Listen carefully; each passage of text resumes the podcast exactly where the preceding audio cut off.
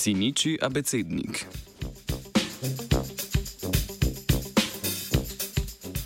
V nedeljo bo Gregorjevo, ko se po našem ljudskem izročilu ptički ženijo. Japonsko raziskovalko in raziskovalca z univerze v Kyoto pa je zanimalo, kako se njihovi ptički menijo. V članku objavljenem v reviji Nature Communications sta predstavila novo metodo za proučevanje ptičjega sporazumevanja. Z njo sta pokazala, da se japonske sinice v določenih primerjih sporazumevajo z združevanjem dveh različnih čivkov. To je prvo poročilo o takem načinu komunikacije pri ptičjih pevcih.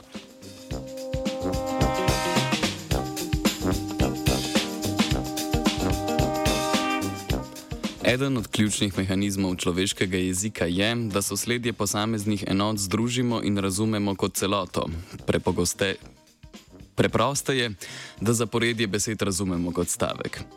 Ljudje ter nekateri drugi primati smo za razliko od mnogih živali razvili sposobnost razumevanja časovno in pomensko zahtevnejših sosledij informacij. Japonska orintologa sta predvidela, da se podobni načini razumevanja zvoka pojavljajo tudi pri japonski sinici. Ko ena izmed sinic v jati zapazi plenilsko ptico iz družine strakoperjev, preostale obvesti z dvema različnima čivkoma. Prvi je čivk pozor, ki ga ptice spustijo ob nevarnosti različnih plenilcev. Drugi čivk pa je zbor, ki ga uporabijo denimo za sporočanje o nahajališču hrane.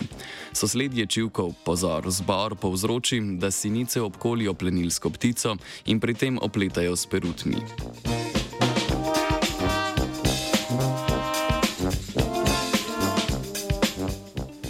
Da bi potrdila svojo hipotezo o načinu razumevanja zaporednih čivkov pri sinicah, sta si japonska raziskovalca zamislila sledeči eksperiment. Na drevo sta postavila nagačeno plenilsko ptico iz družine srakoperjev. Pet metrov na vsako stran od nje pa še dva zvočnika, iz katerih sta lahko predvajala posnetke čivkov za pozor in zbor. Po poskusih, opravljenih na skupno 64 jatah japonskih sinic, sta z analizo podatkov sklenila, da je za odzivnost ptic potrebno naslednje. Posnetek mora prihajati samo iz enega zvočnika in zaporedje čivkov mora biti pozor zbor. V primerih, ko je zvok posameznih čivkov prihajal iz različnih zvočnikov ali v obratnem zaporedju, odziva praktično ni bilo.